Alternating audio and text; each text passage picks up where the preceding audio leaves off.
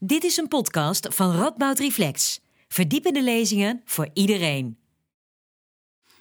Of je nou FIFA, Call of Duty of Candy Crush speelt. Er is bijna niemand die niet gamet. Het is leuk, uitdagend en er is voor ieder wat wils. En daarnaast begint het ook steeds meer een sociale rol te vervullen. Maar anderzijds kennen we ook allemaal het beeld van de gamer die urenlang achter zijn beeldscherm zit en waar je helemaal niks meer van hoort. Wat voor effect heeft gamen eigenlijk op ons welzijn? Wat gebeurt er in ons brein als we gamen? Kunnen games worden ingezet om mentaal welzijn te stimuleren? Daarvoor heb ik eerst even een uh, vraag voor uh, de mensen uit de zaal. Ik zie er nog wat uh, mensen binnenkomen. Als ik even misschien wat licht hier kan krijgen. Hebben we hier gamers in de zaal? Even handen omhoog. Ik zie ongeveer wat twijfelachtige handjes. Dus je hoeft je niet ervoor, te schamen, want het is ongeveer de helft. Oké, zijn er mensen die nooit gamen? Ah, dat is ook ongeveer de helft. Nooit gamers. Misschien uh, kennen jullie wel iemand in je omgeving die wel, uh, die wel gamet en ben je daarom hier. Of misschien uh, vind je het gewoon leuk om er meer over te leren. Welkom bij deze avond van Radboud Reflex en het Donders Instituut. ik ben Camille Hendricks, ik ben vandaag de gespreksleider en ik ben programmamaker bij Radboud Reflex. Ik ben hier vandaag met Ilke Spaak. Hij is neurowetenschapper bij het Donders Instituut en docent Artificial Intelligence op de RU. En Johanneke Weertmeester. Zij is ook docent aan de RU en daarnaast is ze onderzoekster bij het Games for Emotional and Mental Health Lab. En zij geven jullie een korte lezing en daarna ga ik met hun een half uur in gesprek. En daarna is er nog eh, ruimte voor wat vragen van jullie. Dus dan wens ik jullie eh, heel veel plezier en dan nu het woord aan Ilke Spaak.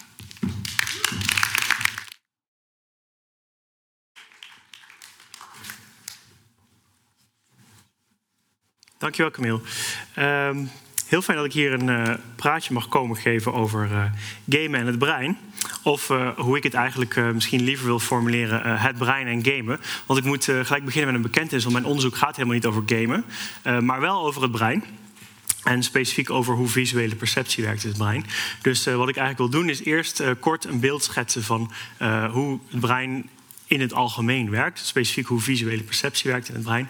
En dan ga ik verder dat beeld gebruiken om beter te kunnen uitleggen wat voor effect gamen dan eh, heeft op ons brein. Nou, als we het hebben over visuele perceptie uh, in ons brein, vaak wordt er een parallel getrokken met onze visuele waarneming en een camera. Er wordt gezegd, nou ja, we, het licht komt binnen en dan wordt geregistreerd en dan wordt er een natuurgetrouwe afbeelding gemaakt. maar dat is helemaal niet hoe onze visuele waarneming werkt. Dus dat beeld is volledig fout en dat wil ik van me afwerpen. Uh, in plaats daarvan uh, wordt wat wij bewust visueel waarnemen in de wereld voor een belangrijk deel bepaald uh, door hoe het wordt verwerkt door het brein. Dus hoe het brein eigenlijk ehm, modelleert wat er in de wereld wel zal gebeuren. En om dat te illustreren heb ik een paar voorbeelden voor jullie. Um, dit is de eerste. We zien hier een soort van schaakbordpatroon met lichte en donkere vlakjes. En um, twee vakjes zijn gemarkeerd, een A en een B. En uh, een van die twee is duidelijk donkerder dan de ander, uh, denk ik zo. Dus ik zou aan jullie eigenlijk allemaal willen vragen... welk van de twee denk je dat donkerder is? Wie denkt dat A donkerder is? Ja, dat zijn uh, toch de meeste mensen. Wie denkt dat B donkerder is? Ah, er, er, zijn er een paar, maar de meeste mensen denken A. Ik zelf ook. Sterker nog, ik kan niet anders dan zien dat A hier donkerder is. Maar als ik nu dit vakje hier omheen trek van een bepaalde kleur grijs... dan is duidelijk dat A en B exact dezelfde grijstint hebben. En als ik het nu weer weghaal, dan zien jullie gelijk weer dat toch dat A donkerder is uh, dan B. En hoe dat komt, dat komt doordat je brein gewend is aan dat dingen die in de schaduw vallen, uh, dat die altijd donkerder ogen dan dingen die niet in de schaduw vallen. En het brein dat compenseert daarvoor als het ware. Nog een voorbeeld. Uh, hier zien we twee driedimensionale uh, skeletten van kruisen, als het ware. Daar lijkt van alles en nog wat te gebeuren. Denk ik dat iedereen het me eens zal zijn. Qua beweging, groeien, krimpen, ronddraaien. Uh, maar als je goed gaat meten wat er nou precies gebeurt met die pixels, is dat er helemaal geen beweging in zit. Het enige wat er gebeurt is dat de patronen van licht op uh, die, die skeletten van kruisen, dat die veranderen. En wij kunnen niet anders dan zien dat dit beweegt omdat uh, ons brein dusdanig gewend is aan het feit dat als dat soort lichtpatronen zich voordoen, dan moet dat veroorzaakt worden door beweging. En hier heeft iemand heel uh, handig de beweging eruit weten te slopen, maar de lichtpatronen intact gelaten. En daarom zien wij die beweging uh, zonder dat wij daar zelf een keuze in hebben. Nou, dit soort effecten op hoe ons brein in elkaar zit, van hoe ons brein in elkaar zit, op hoe wij de wereld waarnemen, zijn niet alleen beperkt tot dit soort redelijk simpele, lage direct visuele uh, eigenschappen. Maar die hebben ook vaak te maken met uh, de betekenis van wat er om ons heen gebeurt. En daar hebben we nog één laatste voorbeeld om dat te illustreren. U gaat zo zien een foto, gewoon een afbeelding van een bepaalde scène. en die gaat flikkeren. En elke keer dat die flikkert, verandert er iets in die afbeelding. En het is aan u de taak om goed te kijken wat er nou verandert van de ene naar de, naar de volgende afbeelding van diezelfde foto. En als u het weet, dan uh, steek de hand in de lucht.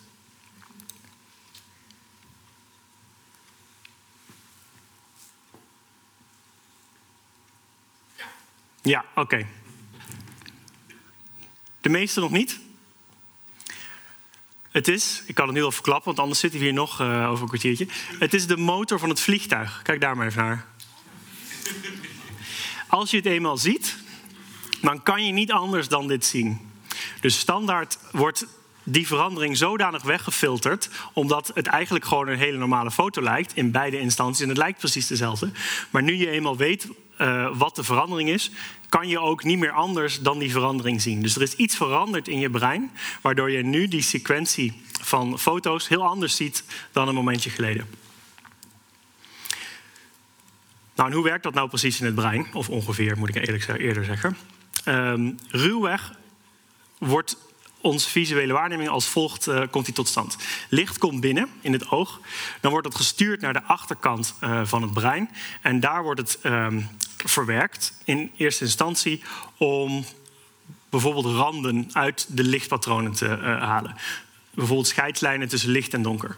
Dat patroon van die scheidslijnen tussen licht en donker, dus het beeld van die randen, wordt doorgestuurd naar een ander gebied in het brein dat daar vormen uithaalt.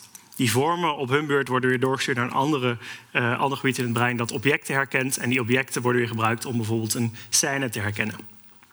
Nou, dit is de voorwaartse stroom, zoals het gaat van licht, wordt steeds verder geanalyseerd. Nou, wat we weten al vanuit de anatomie, is dat die verbindingen in het brein de andere kant op, dat die eigenlijk sterker zijn dan die in de voorwaartse stroom. Dus het gebied dat de objecten herkent, uh, stuurt weer informatie terug naar het gebied dat moet kijken waar zitten de simpele vormen. En een uh, hedendaagse, redelijk populaire theorie over hoe we die wisselwerking tussen voorwaarts en terugwaarts stroom moeten interpreteren, is de zogeheten predictive coding theorie. Uh, waarbij die terugwaartse projecties die reflecteren voorspellingen, of eigenlijk wat het brein verwacht dat er gaat komen gegeven de huidige interpretatie van de situatie. Terwijl die voorwaartse stroom is in eerder voorspellingsfouten eigenlijk. Dus als we het brein het mis heeft met wat er gaat komen, uh, dan wordt die discrepantie doorgestuurd naar een ander breindeel. Nou, dit was eigenlijk even een uh, hele snelle vogelvlucht uh, overzicht van hoe in ieder geval het visuele systeem in het brein werkt. En dat kan in ieder geval al die voorbeelden die ik net liet zien verklaren. Um, maar waar komen die voorspellingen, waar komen die nou vandaan? Die komen natuurlijk niet uit het niets. Het brein probeert zich continu aan te passen aan de wereld om maar zo goed mogelijk al die voorspellingen op orde te krijgen. Dus uh, hoe het brein in elkaar zit, waar het optimaal aan is aangepast, dat wordt voor een belangrijk deel bepaald door de omgeving waarin je brein zich continu aan het trainen is. En dat fenomeen dat noemen we neuroplasticiteit. Dus het brein past zich continu aan aan de omgeving. En dat is een heel uh, veel bestudeerd fenomeen. En dat is ook een vrij welbekend fenomeen. Uh, maar ik zal één studie noemen waarin dit heel expliciet en duidelijk naar voren komt. Dat het brein inderdaad heel plastisch is. Het is een studie uit uh, 2011, um, waarbij proefpersonen werd gevraagd uh, naar het lab te komen. En dan kregen ze um, vier tinten groen-blauw te zien. Waarbij mensen normaal gesproken de linker twee sowieso groen zouden noemen en de rechter twee sowieso blauw. Maar ze zaten eigenlijk allemaal ergens tussenin. En wat mensen dan moesten doen is in een paar dagen uh, moesten ze steeds uh, leren dat bepaalde tinten een bepaalde naam hadden. Dus de ene heette Ang, de tweede heette Song, de derde heette Duan en de vierde heette Ken. Dat betekent voor mij in ieder geval niks, voor u hopelijk ook niet. Ehm, de proefpersonen waren Chinees, maar ik kan u vertellen, ook in Chinees zijn dit geen woorden. Uh, en omdat mensen zo goed die namen moesten leren voor die verschillende tinten groen-blauw, moesten ze dus ook heel goed het verschil leren zien tussen al die tinten, ook al zaten ze heel dicht bij elkaar. En wat blijkt nu, na maar een paar dagen oefenen, in totaal een uur of twee training, verspreid over meerdere dagen, uh, werden die mensen in de scanner gelegd. Dat hebben ze ook gedaan voor die training. En wat blijkt is dat in het gebied van de visuele cortex, dus het gebied van het brein wat verantwoordelijk is voor het verwerken van kleurinformatie, uh, daar is letterlijk en fysiek uh, het brein gegroeid. Dus het stukje grijze stof, zoals dat heet, wat, die, wat die voor die kleurverwerking verantwoordelijk is, is groter geworden na die paar dagen training om heel goed blauw van elkaar te kunnen onderscheiden. Dus dat is even ter illustratie dat het brein inderdaad heel plastisch is en zich makkelijk aanpast aan wat voor taken het voorgeschoteld krijgt. Nou, heel mooi zult u misschien zeggen. We kunnen dus ons brein letterlijk laten groeien. Uh, zolang we maar gewoon goed oefenen. En een groter brein uh, is altijd goed, toch? Want dan worden we slimmer, kunnen we beter ons dagelijks leven leiden, et cetera. Nou, helaas, het werkt helaas niet zo makkelijk. Um, er is een vrij groot probleem met dit soort dingen waarin je je brein kan trainen. Dat heet het transferprobleem. Of misschien kunnen we het beter noemen: het brein is enigszins kieskeurig.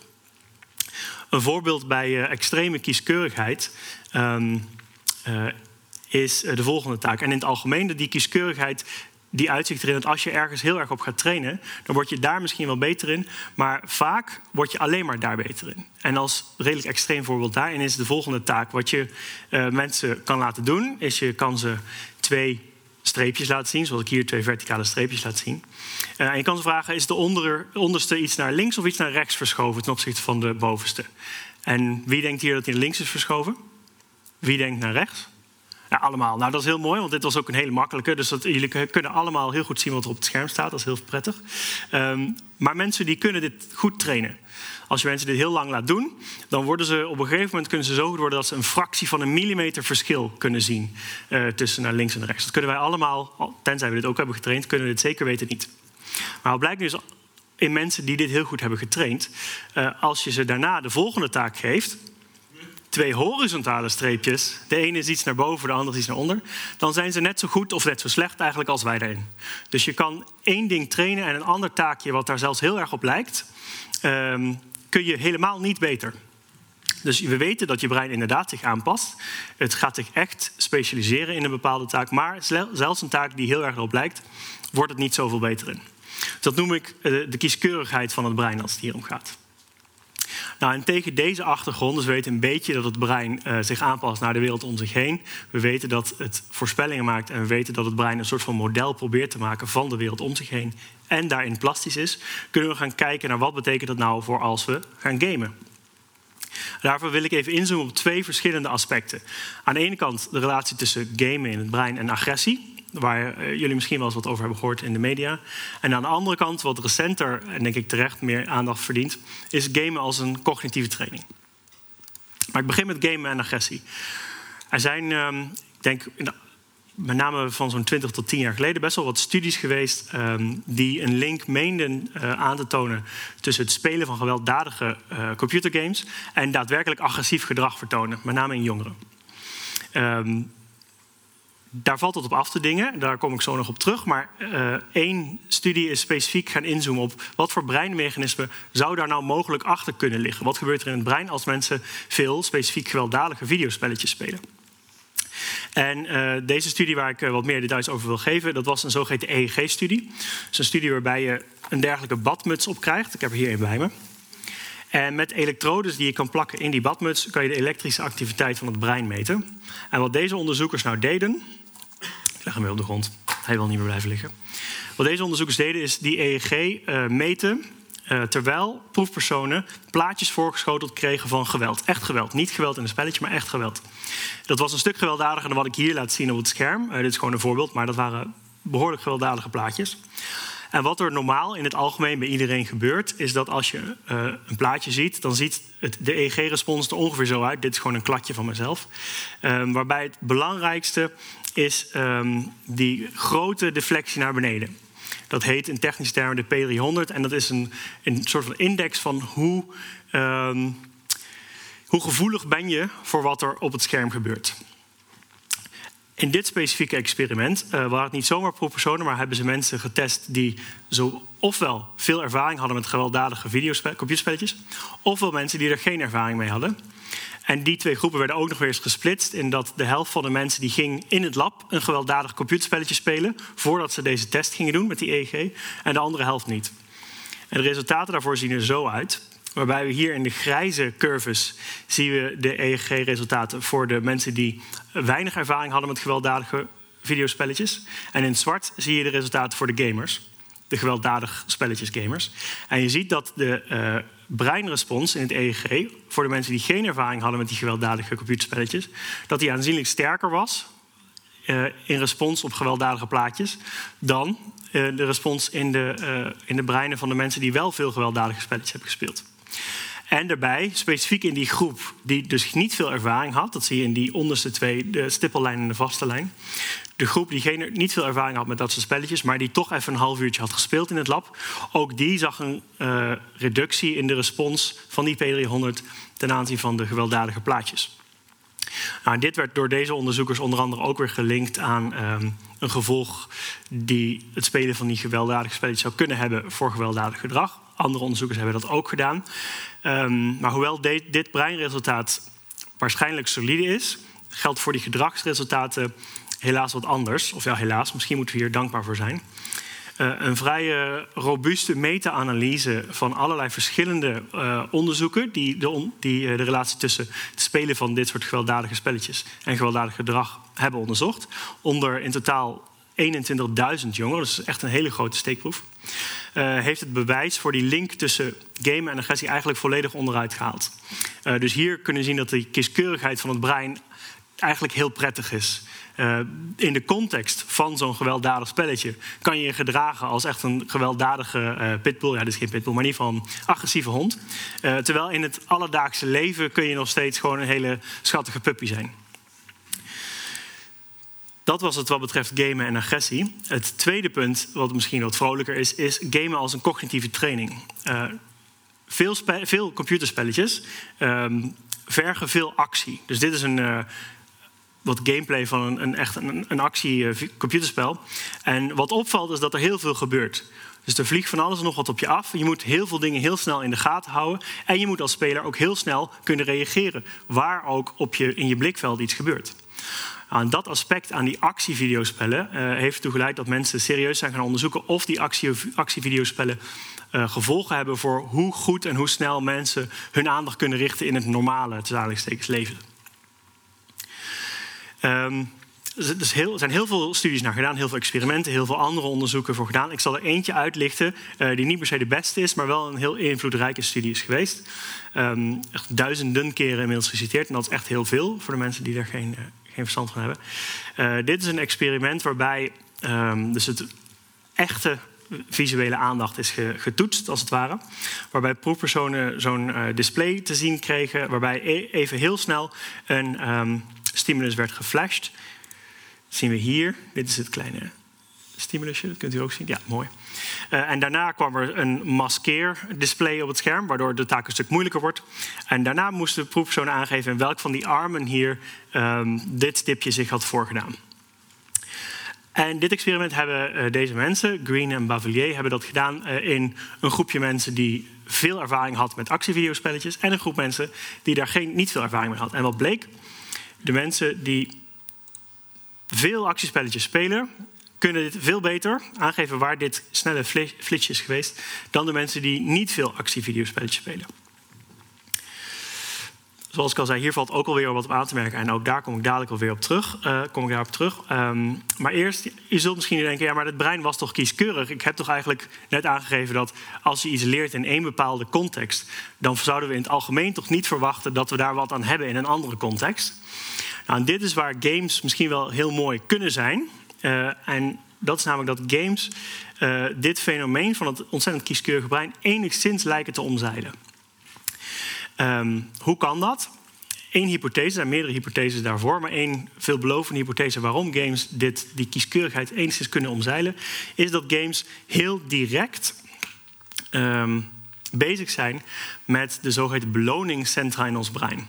Wat ik hier laat zien in het rood, dat is het zogeheten corpus striatum. En als daar een stofje dopamine in vrijkomt, ehm, dan uh, ervaar je beloning, heel ruwweg gezegd. En daarbij, als er dopamine vrijkomt in dat corpus striatum, dan weten we, uh, doordat dit corpus striatum heel veel verbinding heeft met de rest van de hersenschors, dan weten we dat het brein over het algemeen plastischer wordt.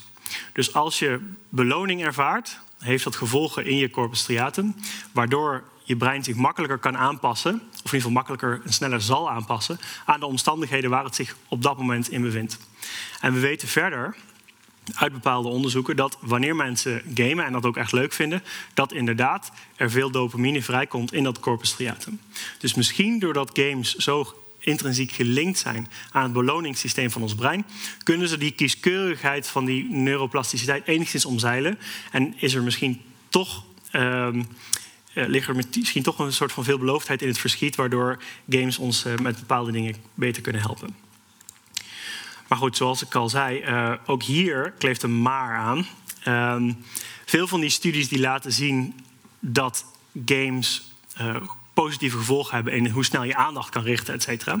Dat zijn zogeheten cross-sectionele studies. En een cross-sectionele studie is een studie waarbij je uh, op elk moment gaat kijken: oké, deze groep mensen speelt veel games, deze groep mensen speelt niet veel games. En we gaan ze vergelijken. En dan zie je bijvoorbeeld, wat ik al net liet zien in dat experiment van Green en Bavelet, zie je bijvoorbeeld dat uh, de gamers sneller zijn in het uh, richten van hun aandacht. Um, maar dat uh, vergt een bepaalde interpretatie van causaliteit. Je neemt nu de interpretatie dat het feit dat ze gamen wel tot gevolg zal hebben dat ze sneller zijn in aandacht. Maar het kan net zo goed zijn, omdat je ze maar hebt geselecteerd uit de populatie, dat mensen die een hele goede en snelle aandacht hebben, dat die eerder geneigd zijn om actie-videospelletjes te spelen, omdat ze van nature misschien beter in zijn. Dit soort zorgen kan je ondervangen door een echt experiment te doen, zoals dat heet. Dat je mensen willekeurig de ene een paar maanden laat gamen en de andere een paar maanden niet, bijvoorbeeld. Maar ook daar kleven de, dat type studies die ook wel zijn gedaan, kleven ook weer wat methodologische nadelen aan. Um, ik ze niet allemaal opnoemen, maar eentje waar het altijd goed is om naar te denken is: is er mogelijk een placebo-effect um, aan de hand? Waarbij mensen, omdat ze nu eenmaal zo'n game veel moeten gaan spelen, dan de verwachting krijgen van: oh wacht, ik zit vast in een studie waarbij wordt bestudeerd uh, wat doet gamen. Uh, dus de onderzoekers verwachten vast van mij dat ik nu beter word op een bepaald taakje. Uh, dus daarom zal ik wel beter worden. En dan word je inderdaad ook echt beter. Maar dan is het eerder de verwachting dat je beter zal zijn geworden, die dat heeft gedaan, dan dat de game dat heeft gedaan. Dus de verschillende controlecondities die, die daarbij in aanmerking komen, die moeten altijd heel goed worden uitgeplozen. Um, dat even als kanttekening uh, voor gamen als cognitieve training. Dan ga ik afronden en samenvattend. Um, ons brein bepaalt voor een groot deel eigenlijk onze waarneming. Dus, dus niet alleen de wereld die er buiten ons is. Maar ons brein past zich wel continu aan die omgeving aan. Die plasticiteit is redelijk kieskeurig. Dus vaak is het zo dat als je ergens je brein zich op aanpast, dan heeft dat niet per se gevolgen voor andere aspecten van je leven. En daarom is bijvoorbeeld ook uh, de link tussen game en agressie heel erg contextgevoelig. Je wordt alleen maar agressief in een game en niet per se erbuiten. Maar soms hebben games ook een contextoverschrijdend effect op het brein. En dat zou kunnen komen doordat ze direct met dat belonings-dopamine-systeem uh, te maken hebben. Maar tegelijkertijd, veel is nog wel onzeker. Dat was mijn verhaal. Hartelijk dank voor uw aandacht. En straks vragen.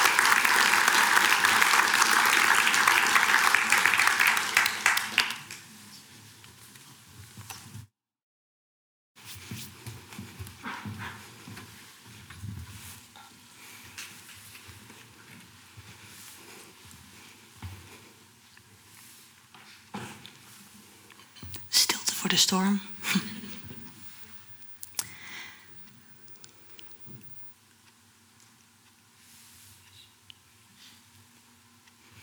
Ja, daar zijn we. Nou, uh, goedenavond iedereen. Uh, superleuk dat ik vandaag uh, met jullie mag praten over videogames. Iets waar ik veel tijd mee besteed, zowel persoonlijk, maar ook in mijn professionele leven. Um, we hebben net heel veel gehoord over uh, het verband tussen games en visuele perceptie, dus meer de cognitieve kant. En ik ga het in mijn praatje dus iets meer hebben over de gedragsmatige en de emotionele kant ervan. Um, en voordat ik eigenlijk op games wil inzoomen, wil ik eigenlijk eerst even wat verder uitzoomen. En namelijk het hebben over spel. Want eigenlijk immers zijn videogames natuurlijk gewoon een vorm van spel, dan wel digitaal. En als we kijken naar het belang van spel in onze ontwikkeling, um, dan weten we eigenlijk dat het gewoon een hele belangrijke rol speelt. Um, jongeren, uh, kinderen, maar ook dieren gebruiken spel om eigenlijk ja, te leren over zichzelf en de wereld om zichzelf heen te ontdekken. Um, en ze, uh, door middel van spel uh, leer je ook heel belangrijke vaardigheden aan. Onder andere zou je kunnen denken aan bijvoorbeeld omgaan met tegenslagen, problemen oplossen. Natuurlijk, als je speelt met anderen, dan kan het ook uh, leiden tot betere sociale vaardigheden. Je moet leren hoe je dus met elkaar kan samenwerken, hoe je een ruzie moet oplossen. Uh, door spel leer je dus eigenlijk steeds meer over jezelf, over de wereld en ja, ontwikkel je je beter. En daar hebben vele ontwikkelingspsychologen ook heel veel over geschreven al. Um, maar spel is natuurlijk iets veranderd over de jaren heen. Uh, iets meer ziet er misschien niet zoveel uit als uh, buiten spelen, hoewel het nog steeds wel gedaan wordt. Um, maar spel is ook veel meer verplaatst naar de digitale wereld. Um, en gamen is op dit moment natuurlijk iets heel populairs. Het is populair onder kinderen, maar ook onder volwassenen. het is dus een, ja, een bezigheid waar heel veel mensen zich heel vaak dus mee um, ja, bezighouden. Um, en ondanks het feit dat het eigenlijk een, uh, uh, ja, een, een dat we het nu vandaag, oeh, sorry, uh, dat we nu vandaag gaan hebben over de effecten van gamen. Eigenlijk als je erover nadenkt, is het best wel lastig om die vraag te beantwoorden. Net werd ook al gevraagd van, zijn hier gamers in de zaal? En toen was het nog eventjes, duurde even voordat de handen omhoog gingen. Ook als er gevraagd werd, speel je helemaal geen games? Want er is zoveel variatie wat games betreft. De ene game is niet de andere. Hoewel sommige mensen waarschijnlijk heel snel zullen denken aan bijvoorbeeld actiespellen en shootergames. Of bijvoorbeeld Fortnite, omdat ze dat van hun kinderen hebben gehoord, zoals je hier ziet. Of Minecraft, waar je spellen, uh, waar je allerlei hele werelden kan bouwen. Of juist hele grote avontuurlijke spellen die heel groot en meeslepend zijn. Er is zoveel variatie. En er zijn zoveel andere manieren waarop dat dus ook ons kan beïnvloeden. En iedereen heeft ook een andere motivatie om ze te spelen. Er zijn zo spellen waar je bijvoorbeeld uh, kan helpen met iemand verhuizen en uitpakken. En dan iets meer over een leven uh, te weten kan komen. Er zijn spelletjes waarin je positieve berichtjes en brieven naar elkaar kan sturen. Uh, spellen waarin je, nou, Animal Crossing is bijvoorbeeld een hele bekende, vooral in de coronatijd kwam die veel naar boven. Waar je dus eigenlijk een eilandje bouwt en dat je ook met elkaar op eilanden kan bezoeken. Um, nou, noem maar op. Um, en er zijn ook spellen die heel veel uh, eigenlijk juist hele mooie emotionele uh, dingen naar boven kunnen brengen en ook het gesprek kunnen starten. Ook wat mentale gezondheid betreft. Er zijn bijvoorbeeld spellen die omgaan met uh, rouwverwerking bijvoorbeeld, of met uh, gevoelens van depressie en angst. er is een heel bekend spel, bijvoorbeeld, het heet Hellblade. Ik weet niet of mensen ervan gehoord hebben. Het is echt een, nou, een enorm succesvol spel. Uh, en de hoofdpersonage daarvan die heeft last van uh, schizofrenie. en eigenlijk stap je een beetje in de huid van iemand die dat dus heeft. En is, wordt op een hele mooie, fantasierijke manier... wordt er dus ook aandacht voor dit soort dingen gevraagd. Dus nou, kort gezegd, er is heel veel variatie. En het is eigenlijk moeilijk om te zeggen... wat is het effect van games op het gedrag van ons... Um, ja, houdt het ons niet tegen om het toch te proberen en er toch heel veel over te praten. Over het algemeen, als je dus denkt over, nou ja, hoe is, gaat het gesprek meestal als het over gamen gaat, nou, over de afgelopen jaren heen, wat dan vaak het eerste was wat heel vaak uh, uh, nou ja, omhoog kwam, waren zorgen over negatieve gevolgen van games. Eigenlijk um, werd er vooral bijvoorbeeld gesproken over, nou ja, we noemden het net al, de link tussen mogelijk agressief uh, gedrag en gewelddadig spelletjes, maar ook dat misschien games mogelijk verslavend kunnen zijn. Um, er zijn best wel veel zorgen. En ook als je dus de media over de laatste jaren heen zou moeten geloven. In eerste instantie, nou ja, zag je dus ook heel vaak, als je naar de krantenkoppen keek, het ging over verslaving, het ging over, soms ging het zelfs zo ver om ze te koppelen aan bijvoorbeeld uh, schoolshootings. In Amerika eigenlijk nog steeds, bijna elke keer als er weer een schoolshooting is, dan wordt er gewezen naar uh, games. Want ja, de, de jongeren die dat gedaan hadden, die speelden ook toevallig heel veel games, dus moet het wel aan de games liggen. Terwijl we hebben net eigenlijk ook al gezien, games zijn zo populair, zo één op één is die relatie eigenlijk bijna niet te zeggen. Maar ja, als je dus zo naar de krantenkoppen zou kijken, dan zou je daar dus uh, wel in moeten geloven bijna.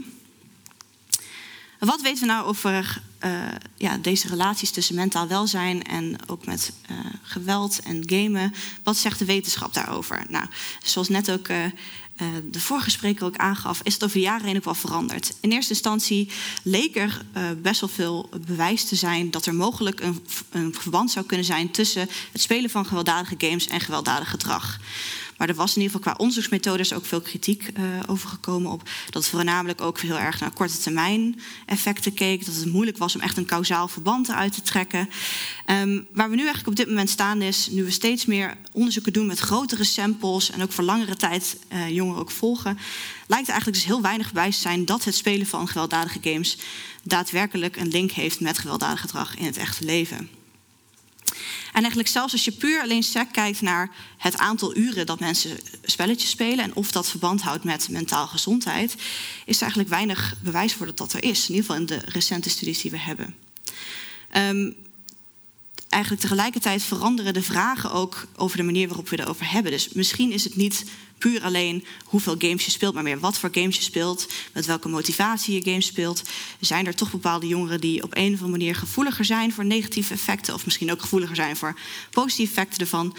Uh, ja, de discussie, zowel in uh, de maatschappij, maar ook in de wetenschap, is heel erg ongoing. Um, als je het hebt over wanneer is, wanneer is te veel dan eigenlijk te veel, zelfs dat zijn ook weer nieuwe uh, ideeën overgekomen. Dus bijvoorbeeld, dit is een studie van Schulzke en Weinstein. Die heeft gekeken over het algemeen eigenlijk naar gebruik van schermen. Dus het was niet alleen maar uh, uh, videogames, maar ook bijvoorbeeld televisie kijken, gebruik van smartphones. En als je dan bijvoorbeeld hier kijkt naar de onderkant, is zeg maar engagement, dus hoeveel uren ze er mee omgaan. En op de y-as zie je zeg maar mentaal welzijn. En eigenlijk wat deze studie bijvoorbeeld dan zou laten zien is dat eigenlijk een beetje een aantal uren gamen beter is voor welzijn dan helemaal geen gamen. Maar dat er op een gegeven moment wel een soort uh, ja, een, een, kantelpunt is, waardoor op een gegeven moment misschien voor sommige kinderen te veel, misschien wel te veel is. Maar zelfs dat zijn we eigenlijk net pas mee begonnen. En ook om te kijken van nou, wat is dan inderdaad gezond en wat is niet gezond. Um, ja, we gaan er steeds meer komen daarover te weten. En als we het hebben over te veel is te veel, dan is ook natuurlijk één ander onderwerp wat we bijna niet kunnen omzeilen is het idee over gameverslaving. Nou, in 2013 werd de Internet Gaming Disorder geïntroduceerd in de DSM. Dat is eigenlijk het handboek wat we uh, in psychiatrie of in uh, psychologie ook gebruiken om bijvoorbeeld bepaalde diagnoses te stellen. En deze werd geïntroduceerd in eerste instantie als iets wat nog verder onderzocht moet worden, omdat er toch uh, ja, steeds meer uh, personen zich leken aan te melden bij uh, therapie om te zeggen dat ze toch wel problemen ervaarden met uh, gamegedrag. Of dat ouders misschien hun kinderen daarheen stuurden. Um, maar in ieder geval was in eerste instantie dus nog iets wat verder onderzocht moest worden. Is later, in 2018, is het toch door de World Health Organization ook opgenomen als mentale stoornis in de ICD-11, de International Classification of Disease. Um, en sindsdien is daar ook weer enorme discussie daarover losgebarsten. Um, het is ook wat het lastig maakt aan of een gameverslaving anders is dan andere verslavingen, is natuurlijk dat het niet een substantie is, zoals bijvoorbeeld alcohol of drugsgebruik, maar dat het meer een soort gedrag is. Dat maakt het ook wat lastiger om echt het onderscheid te maken tussen wat is nou uh, normaal gezond gedrag en wanneer is het zeg maar uh, problematisch. Nou, als je dit lijstje zou zien, dit zijn eigenlijk de, het lijstje van symptomen die je zou moeten hebben om in aanmerking te komen wellicht voor een verslaving. En sommige daarvan, als ik daar nu bijvoorbeeld als naar zou kijken, zoals de eerste, preoccupatie, dominantie van internetgamen in het dagelijks leven. Nou, mijn hele leven, nou, bijna een hele week draait bijna om gamen. Um, gebruik van internetgames om negatieve stemming te verlichten of aan te ontsnappen. Nou, een hele grote reden waarom heel veel mensen games spelen is om te ontsnappen, om hun stress uh, te verlichten, om te ontspannen. Um, dus dan heb je eigenlijk al twee van dit hele lijstje waar je dan aan zou uh, voldoen, bijvoorbeeld. Um, dus de vraag blijft dan ook nog steeds: aan de ene kant weten we, nou, er zijn waarschijnlijk een aantal jongeren en een aantal personen die daadwerkelijk echt uh, problemen ervaren met uh, problematisch gamegedrag. Maar je loopt ook wel het risico dat je ook normaal gezond gamegedrag dan misschien bestempelt als iets uh, problematisch, terwijl dat niet zo is. Um, en als we tot nu toe kijken naar de cijfers die we ervoor hebben, nou, daar lijkt een klein percentage inderdaad te zijn. Nou, die lijken dus inderdaad problematisch gedrag te laten zien wat game betreft. Waar ze dus voor langdurige tijd er problemen mee hebben. Maar wat dan ook meteen heel duidelijk is, om, uh, of belangrijk is om te noemen, is dat het nooit een op zichzelf staand probleem is. Er is bijna niemand die zich alleen aanmeldt met puur alleen een probleem met gamen. Maar vaak hebben ze dan ook op andere gebieden al problemen, andere gedragsproblemen, andere emotionele problemen. Ook die het waarschijnlijk voor hun wat lastiger maken om bijvoorbeeld, zoals nou ja, misschien uh, mensen die geen problemen ervaren, eerder het stop te zetten of uh, beter zeg maar, hun grenzen aan te geven daarin.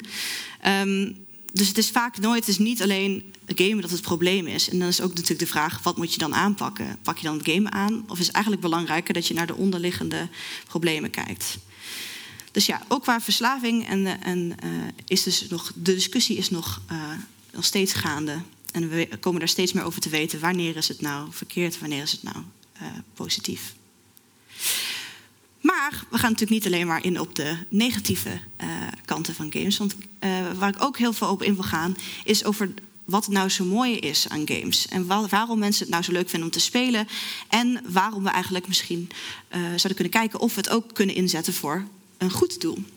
Nou, wat maakt games zo, zo, zo bijzonder? Nou, als je het vergelijkt met andere vormen van media, bijvoorbeeld film kijken of boeken lezen. In games zijn interactief. Jij bent degene die uh, in de driver's seat zit. Jij hebt de controle over wat er gebeurt.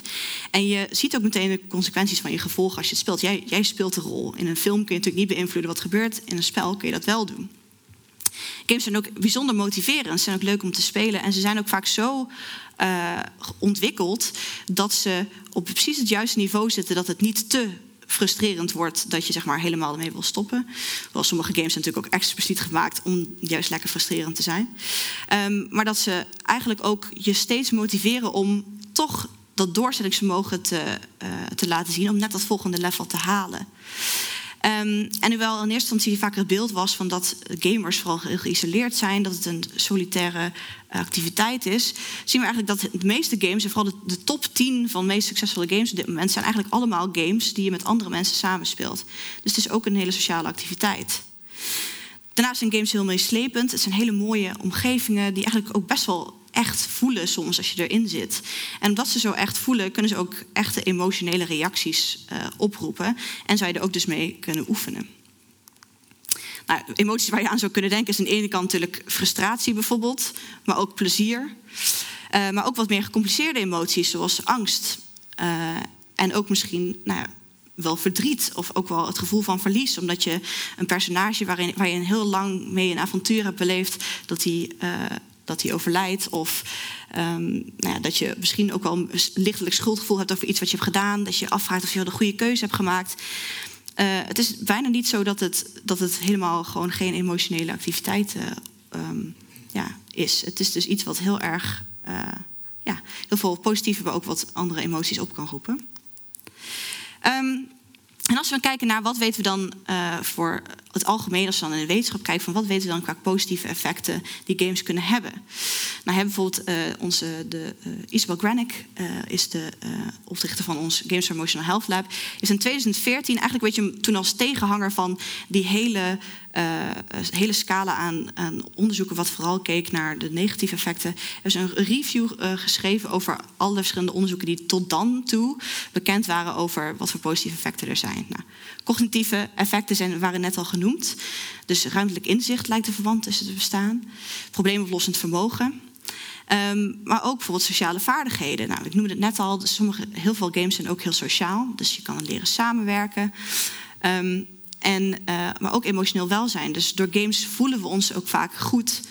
Uh, en ze kunnen ook gebruikt worden voor ontspanning.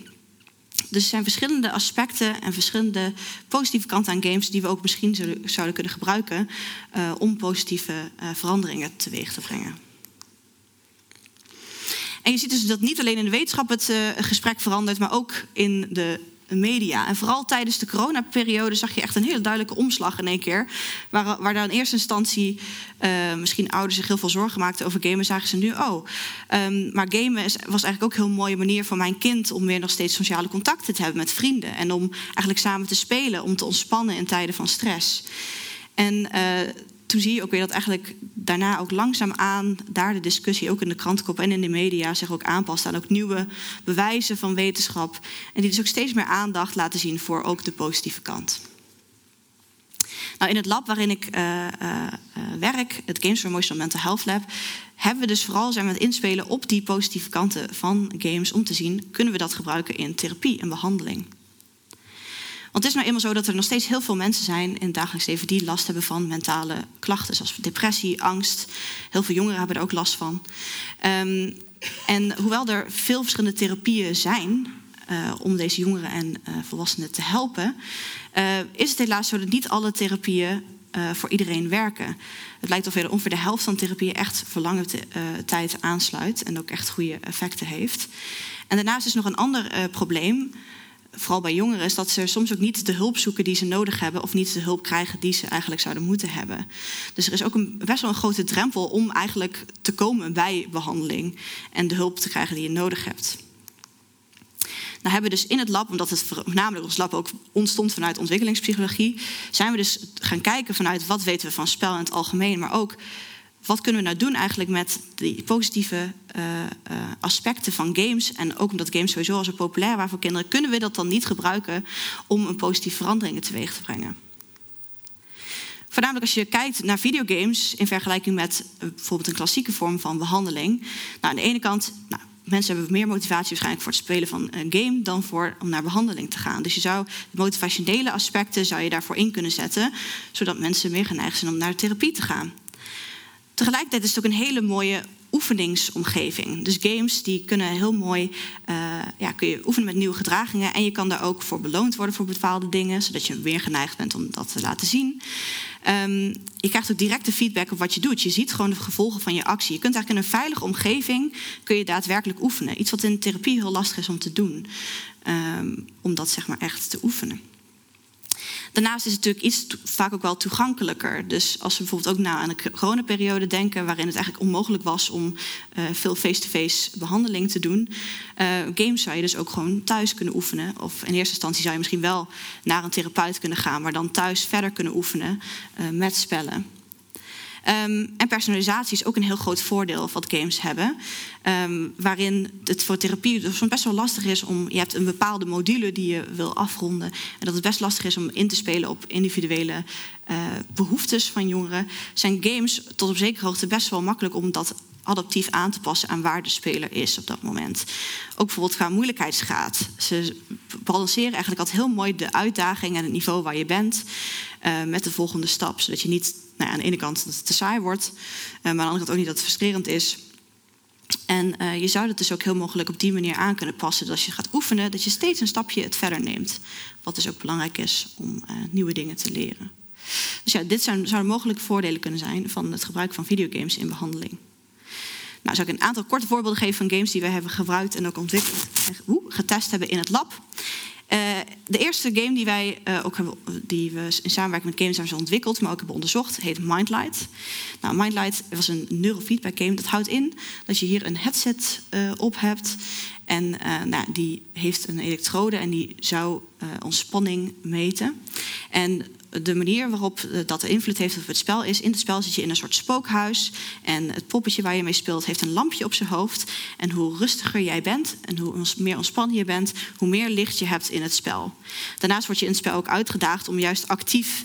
Uh, enge uh, monsters bijvoorbeeld... Um, om daarmee in contact te komen en om die te verslaan en om dit niet uit de weg te gaan. Omdat vermijding weten dat dat iets is wat juist heel erg belangrijk is om te doorbreken als het om angst gaat.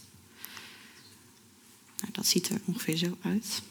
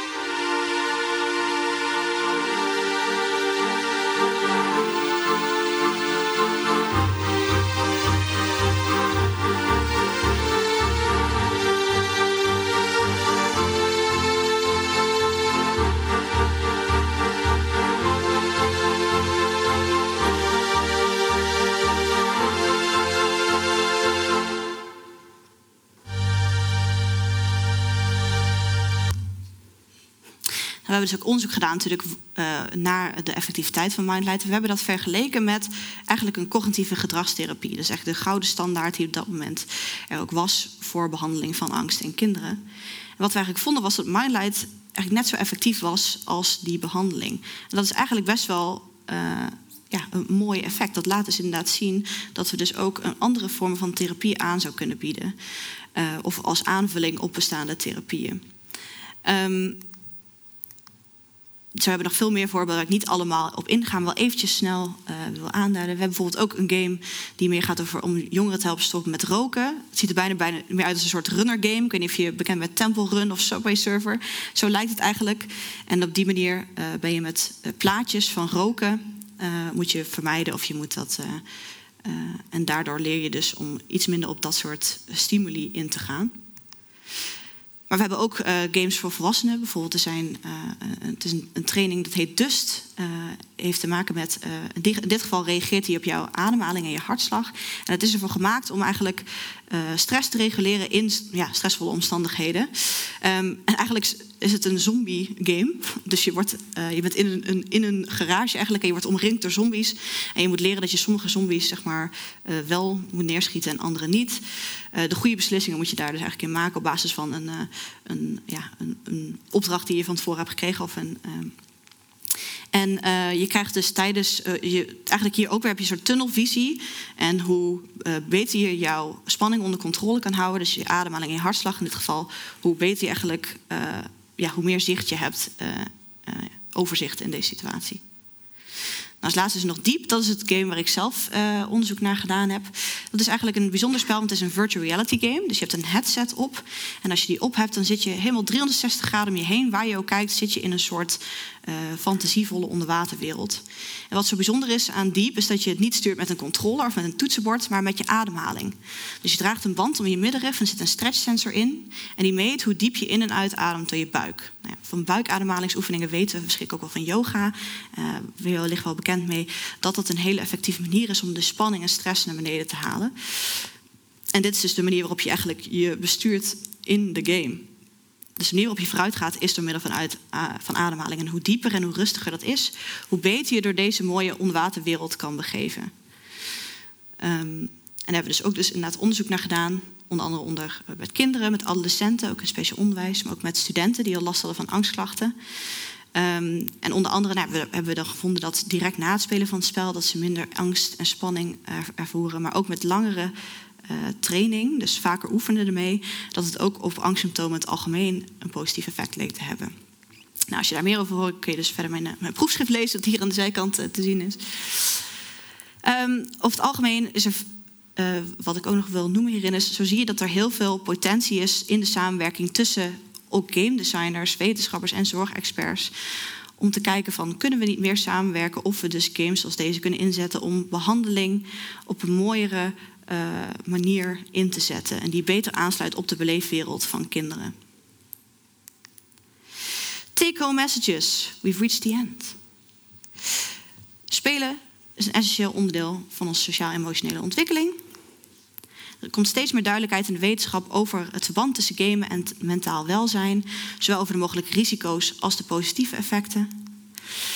Er is een kleine minderheid die problematisch gamegedrag laat zien, maar voor de meerderheid of het algemeen is er weinig bewijs voor dat spelen daadwerkelijk uh, direct een negatief gevolg heeft voor mentaal welzijn, bijvoorbeeld geweld. En dat games eigenlijk een mooie uh, de potentie hebben om ingezet te worden voor uh, therapie en voor positieve gedragsverandering. Uh, als je meer informatie wil hebben over alles wat met games en gedrag te maken hebben, kun je onder andere op de GemLab website kijken, het lab waar ik in werk. Um, maar ook bijvoorbeeld het Trimbos Instituut is heel veel, um, nou ja, ook goed te lezen in normale mensentaal, uh, informatie over games en mentaal welzijn. Mediawijsheid is een goede. Dit boek van Rachel Coward is een goede. Die heeft ook een heel leuk YouTube-kanaal waarin ze dus ook en korte video's ja, verschillende van dit soort onderwerpen, zoals verslaving, agressie, maar ook positieve dingen, in een uh, ja, toegankelijke manier uitlegt. Bedankt uh, voor het luisteren.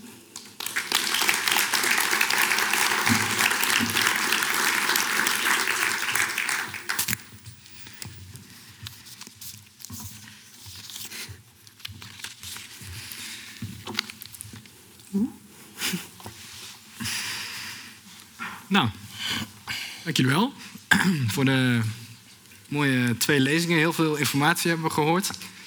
Heel veel eh, informatie over gamen. Dus ik begin even met een makkelijke vraag. Eh gamen jullie zelf ook? Ik hoorde jou al zeggen in je persoonlijke leven ook veel mee bezig. Ja, nee, Ja? zeker. Ja? Ehm, ja, het, het vers- het verschilt ook wel een beetje per, eh, per week. De ene keer ligt eraan hoeveel energie ik ervoor heb of wat mijn behoeften zijn. Maar ehm, ja, ik heb door mijn hele leven heen is het eigenlijk altijd wel iets geweest wat ik veel Ja. eh, doe. Echt een passie. Ja. Ja? Ik, ook, ja, ik, eh, nou, ik heb het vooral redelijk veel gedaan. Ja? Totdat ik vader werd. Eh, Ah. Zo'n eh, zo'n anderhalf jaar geleden. Toen heb ik er geen tijd meer voor. Behalve, dus ik vond het leuk dat jij zei dat eh, ouders merkten dat kinderen heel veel voor hun sociale leven hadden tijdens de coronapandemie aan gamen. Nou, dat had, mijn kind had het toen niet, dat was een paar weken oud, maar ik zelf wel. Dus ik heb toen ook veel wekelijks eh, game gespeeld, Baldur's Gate, aan grote aanrader, mocht je hem eh, nooit. ja. Zo. Eh, met vrienden. Wel een zacht applaus. Dat is, eh, dat is eigenlijk mijn meest recente hele positieve gamer. Ja. En zijn er, zijn er eh, in jullie game-ervaringen ook, ook vaardigheden die jullie hebben geleerd... die jullie ook gebruiken in jullie, in jullie echte leven?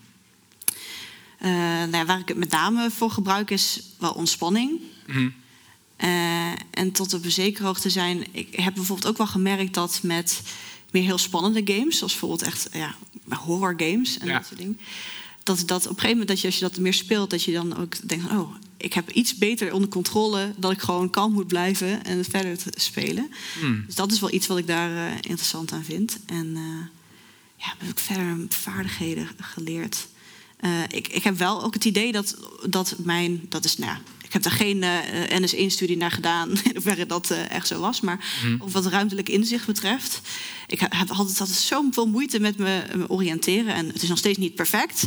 Maar dat je wel op een gegeven moment iets beter een idee hebt van dat je al die maps en je oriënteren daarmee en het vinden van de juiste weg naar de volgende quest. Ja. Eh, Ja, heb ik wel het idee dat dat bijgedragen heeft, maar heb ik geen harde bewijzen voor. ja, dus jouw leven is vanaf nu ook allemaal kleine quests die je moet, eh, die je moet halen. Sowieso. Maar het is wel interessant dat je dat zegt, dat het een positief effect heeft, die maps. Want ik zou eerder verwachten dat het eigenlijk bijna een negatief effect heeft. Dat je, daar, je hebt altijd een fijne minimap, dus je altijd kan kijken, vogelvluchtperspectief, nou zo en zo, daar moet ik heen. Terwijl in het echte leven heb je niet een minimap, tenzij je Google Maps natuurlijk voor je neus hebt.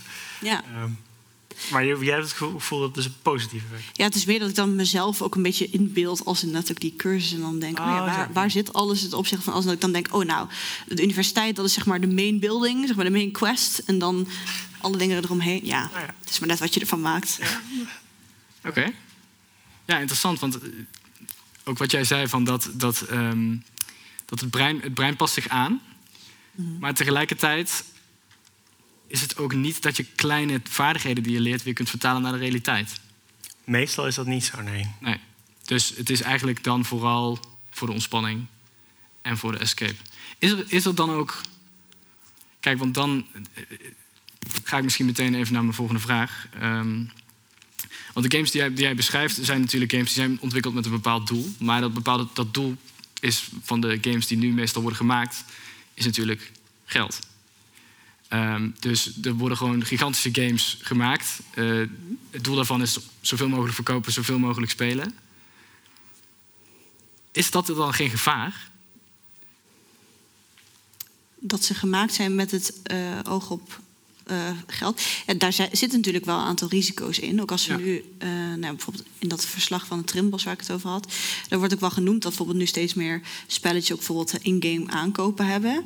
En dat Ja. is natuurlijk wel iets waar we wel rekening moeten houden, ook voor- met name als ouders, dat je daarvan bewust bent dat dat gedaan kan worden en dat je niet zomaar op een knopje kan drukken om een nieuwe outfit te kopen, zeg maar, elke keer als je dat doet. Ja. Dus dat zijn wel natuurlijk van die, ja, van die schemes waar je van, ook van bewust moet zijn dat die erin zitten. Ja, ja, Met wat jij, nog, wat jij noemt is nog een relatief milde. Dat je een outfit kan kopen. Kijk, kun je, als je het vaak doet, kost het veel geld. Ja. Maar de lootboxes zijn natuurlijk Ja, zeer, zeker. zeer kwalijk. Ook Ja. omdat er zo'n e- element van willekeurigheid in zit.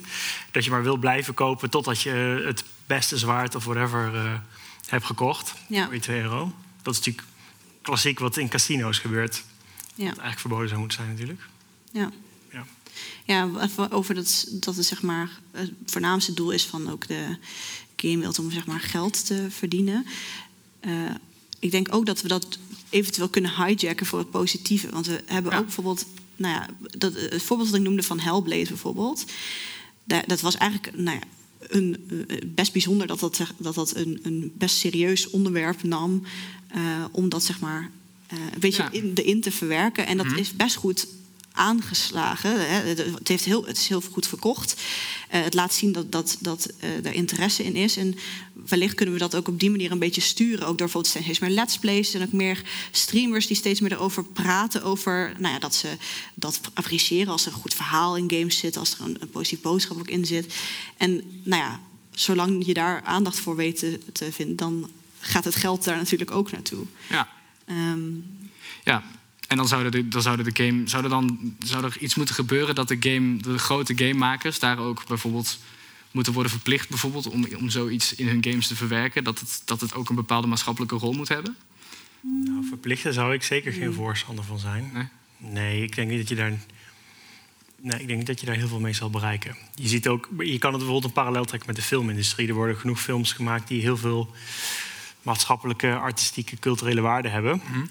Terwijl je hetzelfde argument kan maken dat de meeste films worden gemaakt om geld te verdienen. Dus ik denk, Ja. ja, dat, ik denk dat de filmindustrie relatief gezond is wat dat betreft. Ja, en ik denk via de, die nou ja, grote AAA-games en zo is het wat lastiger. Maar waar je wel ook mogelijk invloed op kan hebben, bijvoorbeeld ook als, nou ja, misschien de overheid is een groot woord, maar ehm, er zijn bijvoorbeeld ook heel veel ja, indie-studio's die ook vanuit hun eigen ja, artistieke overwegingen, maar ook persoonlijke verhalen vaak daarin ver- eh, verwerken. Die dus wel weer die soort boodschappen vaak eigenlijk zelf al gemotiveerd zijn om dat erin te stoppen, om die ook meer te ondersteunen om dat soort eh, games meer te kunnen maken. Dat daar meer Ja. aandacht en meer ondersteuning voor komt om, nou ja, om dat, dit soort games te kunnen maken. Mhm. Ehm, ja. En commercialisatie is eigenlijk wel grappig, omdat nou, we hebben bijvoorbeeld hier ook, hè, we hebben al verschillende games gemaakt, in principe vanuit eh, wetenschap, maar ook uit therapie. Ehm, daar hebben we dan ondersteuning gekregen om dat ook te, te maken en te, en te ontwikkelen. Maar op het moment dat je dat zeg maar, dan de wereld in wil brengen, is dat best een lastige vertaalslag. Ja. Van, oh, nu, nu eh, zeg maar dat je moet ervoor zorgen dat het niet op de, op de plank blijft verstoffen van een van de universiteit, maar dat er ook aandacht komt en dat er mogelijk is om dat te kopen. Dat stukje is best wel lastig om daar ook soms ja, ondersteuning of, of eh, funding voor te krijgen. Voor dat laatste stukje van, oké, maar hoe brengen we het dan nu in de handen van zoveel mogelijk mensen?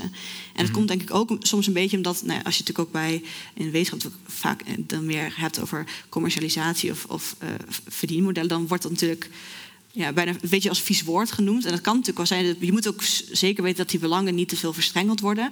Maar aan de andere kant moet het wel ergens terechtkomen.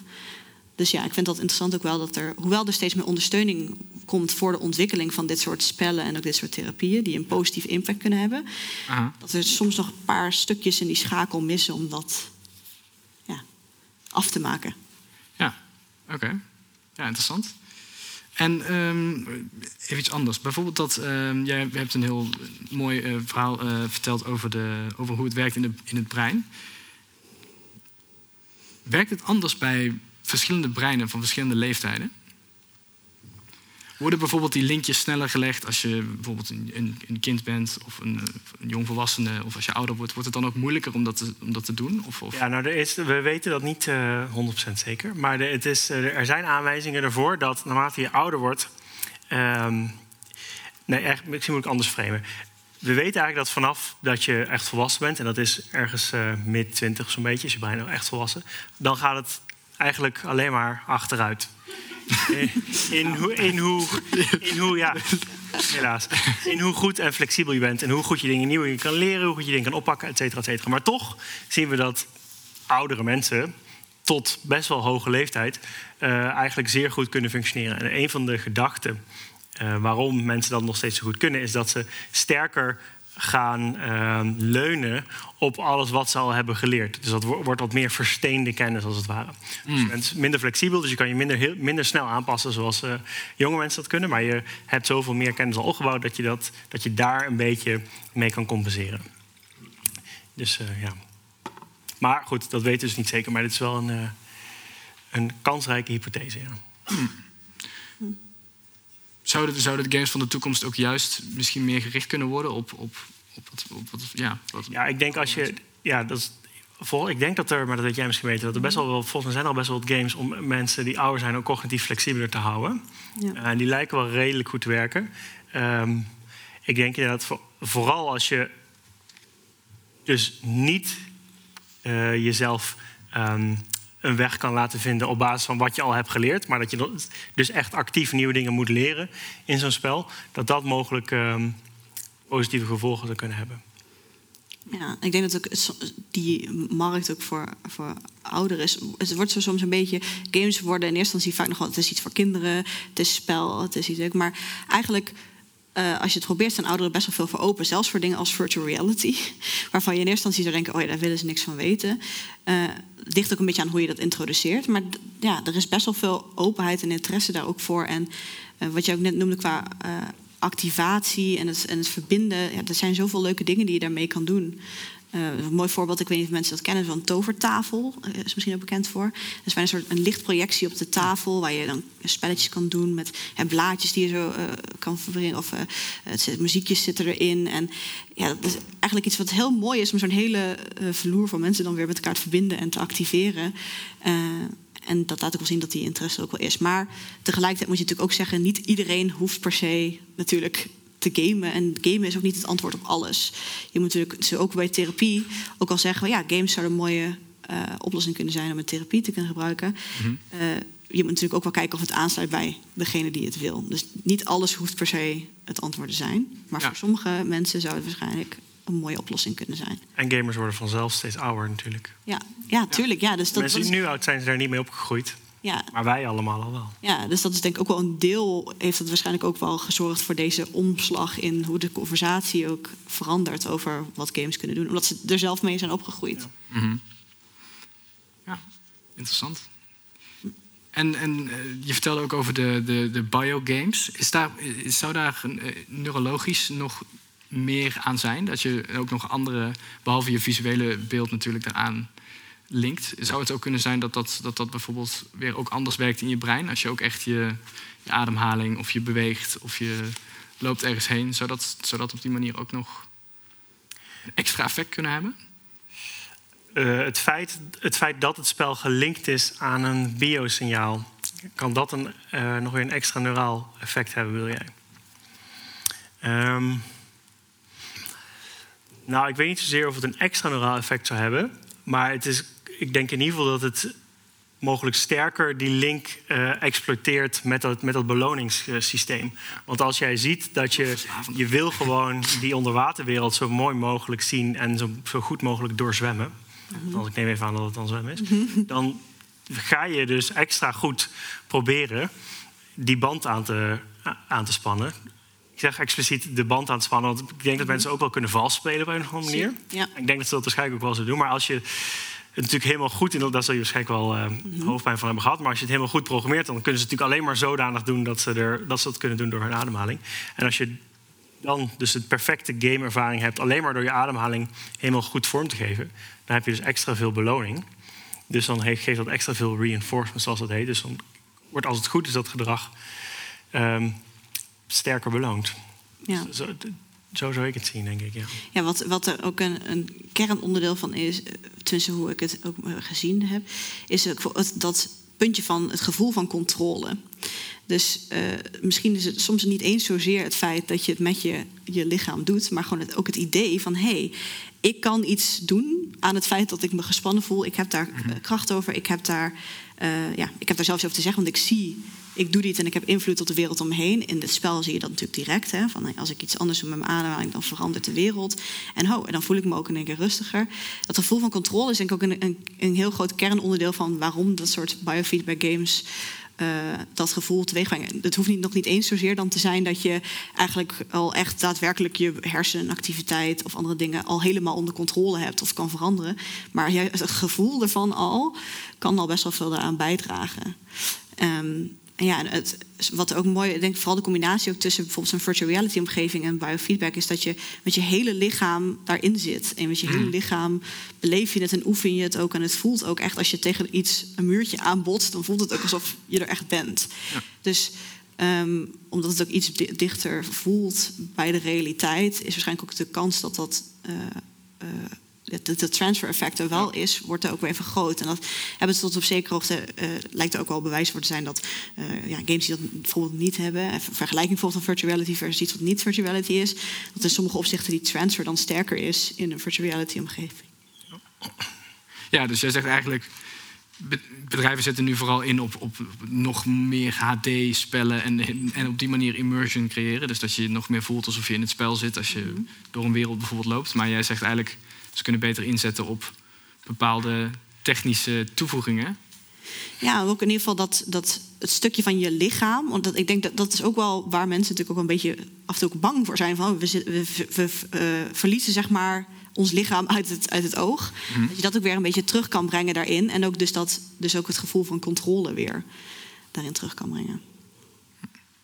Ja, dat gevoel, ja, dat gevoel van controle is natuurlijk ook het hele idee van, van gamen interessant. Want je zegt ook, gamen gel- geldt voor veel mensen ook als ontspanning. En ook echt als iets om even, te, even terug dat het gevoel van controle te krijgen. Zal dat, het ook altijd, zal dat ook altijd de rol van gamen blijven? Dat het een, dat het een, een bepaalde manier is om, om uit, uit de wereld te ontsnappen? Of, of is het ook mogelijk dat eigenlijk de gamen juist de confrontatie van je problemen kan zijn? Ja, Ja, Mooi zijn toch? nee, ik denk beide. Ja. Ehm, en ehm I lost my train of thought. Ja, nou ja, het zou. eh, Nee, maar wat, je, maar wat ook wel interessant is qua technologie, is dat in eerste instantie dus nu ook weer virtual reality kwam. Het lijkt alsof we dan weer allemaal weer super immersive, helemaal in een nieuwe omgeving, dat je bijna de buitenwereld vergeet. Maar zelfs daarvan. eh, ja, het lijkt eh, toch altijd een beetje. Er zijn verschillende trends die, zeg maar, die het dan zijn. En nu is, er bijvoorbeeld ook steeds meer aandacht voor juist een mix tussen een blend tussen de echte wereld en de virtuele wereld. Ehm, dat bijvoorbeeld nu op augmented reality ook, ook bijvoorbeeld veel meer over wordt gepraat, waarin het meer een mix wordt tussen de twee. En eh, dat, dat er toch ook weer aandacht is om altijd tot op zekere hoogte wel de echte wereld te integreren. Ehm, ja, en waar maar, de- maar het ligt denk ik ook voor een groot deel aan wat je wil bereiken met je game. Ja. Natuurlijk. Want als je, ik denk inderdaad, als je op zoek bent naar transfer effecten, Mhm. eh, dan zou ik verwachten dat virtual reality, hoe, hoe echter het wordt, hoe beter je de transfer zal zien. Puur omdat het meer lijkt op de echte wereld. Dus dat die, dat die contextafhankelijkheid veel minder relevant gaat worden. Maar je kan games natuurlijk ook veel meer zien als een, ehm, als een product op zich, waar je niet op zoek bent per se naar transfer. Ja. Gewoon als een, eigenlijk als een soort klein kunstwerkje op zichzelf. En dan hoeft het natuurlijk helemaal niet super immersive, ultra HD, et cetera te zijn. Maar dan kan dat gewoon op zichzelf staand heel waardevol zijn. mm, En dan kan dat nog steeds ook misschien nut hebben, tussen aanhalingstekens, omdat je ook puur kunst nut kan laten hebben. Omdat Ja. er naar kijken een- een kalmerend effect heeft. Ja, dat is waar. Dat is waar. Ja, dat zijn natuurlijk inderdaad, omdat je zelf ook net het voorbeeld noemde van film. De, de, vaak zijn de meest eh, abstracte films of hele abstracte kunst kan natuurlijk ook toch heel veel met je doen. Ook al heeft het ja, helemaal niks te maken met hoe eh, daadwerkelijk de, de wereld voor jou eruit ziet. Ja.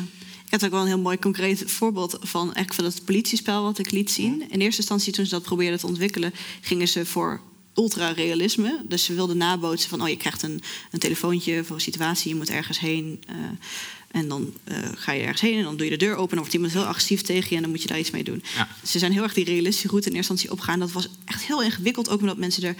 Het was net iets te realistisch, maar toch niet helemaal. Dat mensen er ook misselijk van werden. Hè? Dat die Oh ja. disconnect er was. Dat het eigenlijk juist dan soms realisme ook dan in die zin soms wel averechts kan werken. Hoe bedoel je?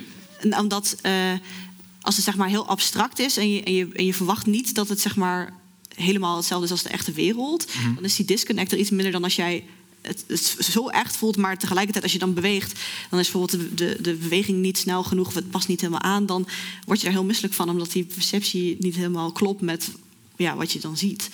En dat is dus qua, qua realisme is dan, je dan weer niet eh, de- misschien de oplossing.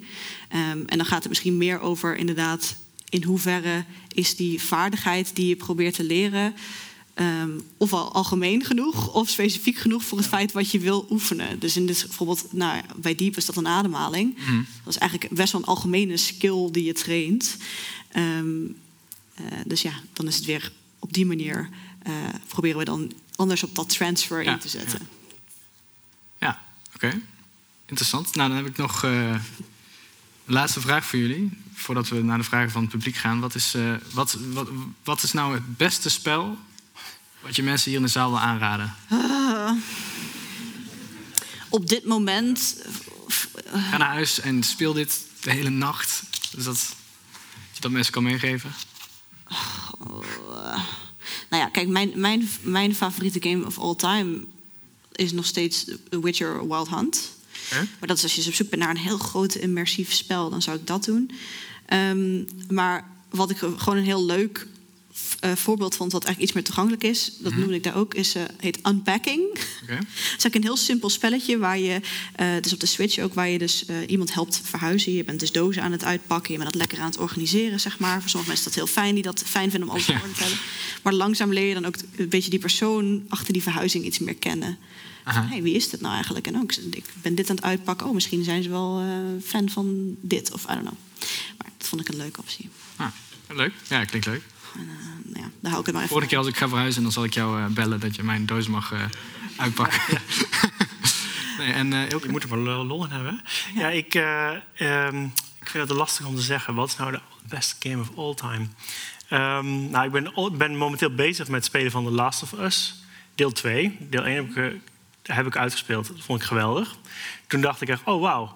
Maar een game kan ook wel echt veel meer gevoel overbrengen of zo dan ik van tevoren zou hebben verwacht. Dus als je dat nog niet hebt gespeeld en je wil kijken wat kan een game allemaal meer doen dan je zou verwachten, want het is in principe een shooter, maar dan toch met een heel diepgaand verhaal. Dus eh, dat vond ik een goeie. Um, ook omdat er heel veel filmische dingen in zitten. Die je tegenwoordig niet meer in films ziet. Dus er worden, er worden hele scènes in uitgespeeld die ontzettend langzaam gaan. Waar wij in een film zou denken: Jezus, wat is een saaie, langzame film. Hmm. Maar dat kan in die game op een of andere manier wel. Gewoon omdat al die, die mechanics daaromheen kennelijk dat veel acceptabeler maken voor de speler. Ah, okay. uh, dus uh, dat, dat vind ik een sterke aanrader. En natuurlijk, ik noemde hem al eerder Baldur's Gate. Of de, hele Baldur's Gate saga is een prachtige. Sorry, prachtige dat nog Baldur's Gate okay, ja. is, een, is een wat ouder spel. Is een, um, is een roleplaying game wat je met een party speelt van zes mensen. Uh, waarbij één iemand is de protagonist. En je komt er langzamerhand achter wat is nou het, het uh, oorsprongsverhaal van die protagonist. Uh, via heel veel omzwervingen. En dat vind ik een van de mooie dingen van het spel. Dus je pas helemaal aan het einde van deel 1 van het spel, wanneer je al zeker nou, 100 uur spel erop hebt zitten, kom je er een beetje achter wat nou uh, die ene persoon zo bijzonder maakt. En dat zal ik niet verklappen, want je nee, moet natuurlijk nee. allemaal Baldur's Gate gaan spelen. en dan kan je pas in Baldur's Gate 2 wordt het verhaal veel verder uh, uitgeplozen. Dus die, die twee zou ik voor nu in ieder geval zeker aanraden. Oké. Okay. Oh nee, ja? I'm rethinking all of my uh, ja, En denk ik, oh, er zijn zoveel andere spellen, maar laten we het hierbij houden. en natuurlijk Mijnenveger. Mijnenveger, ja. Goeie aanrader. Meer oldschool uh, spel. Nou, dan uh, eindigen we daarmee. Uh, dan wil ik jullie allemaal hartelijk bedanken voor jullie aanwezigheid. we kunnen zo nog iets drinken in het sportcafé. Hiernaast is het helaas niet meer open. Maar we kunnen wel nog even naar het sportcafé om even na te praten. Ook de mensen die nog helaas hun vraag hadden en nog niet hebben gesteld... die kunnen ze dan eventueel nog kwijt bij de sprekers. En ehm, ja, bedankt voor jullie aanwezigheid bij de Radboud Reflex... en het Donders Instituut avond. En dan wil ik vooral de sprekers bedanken. Dus hartelijk applaus.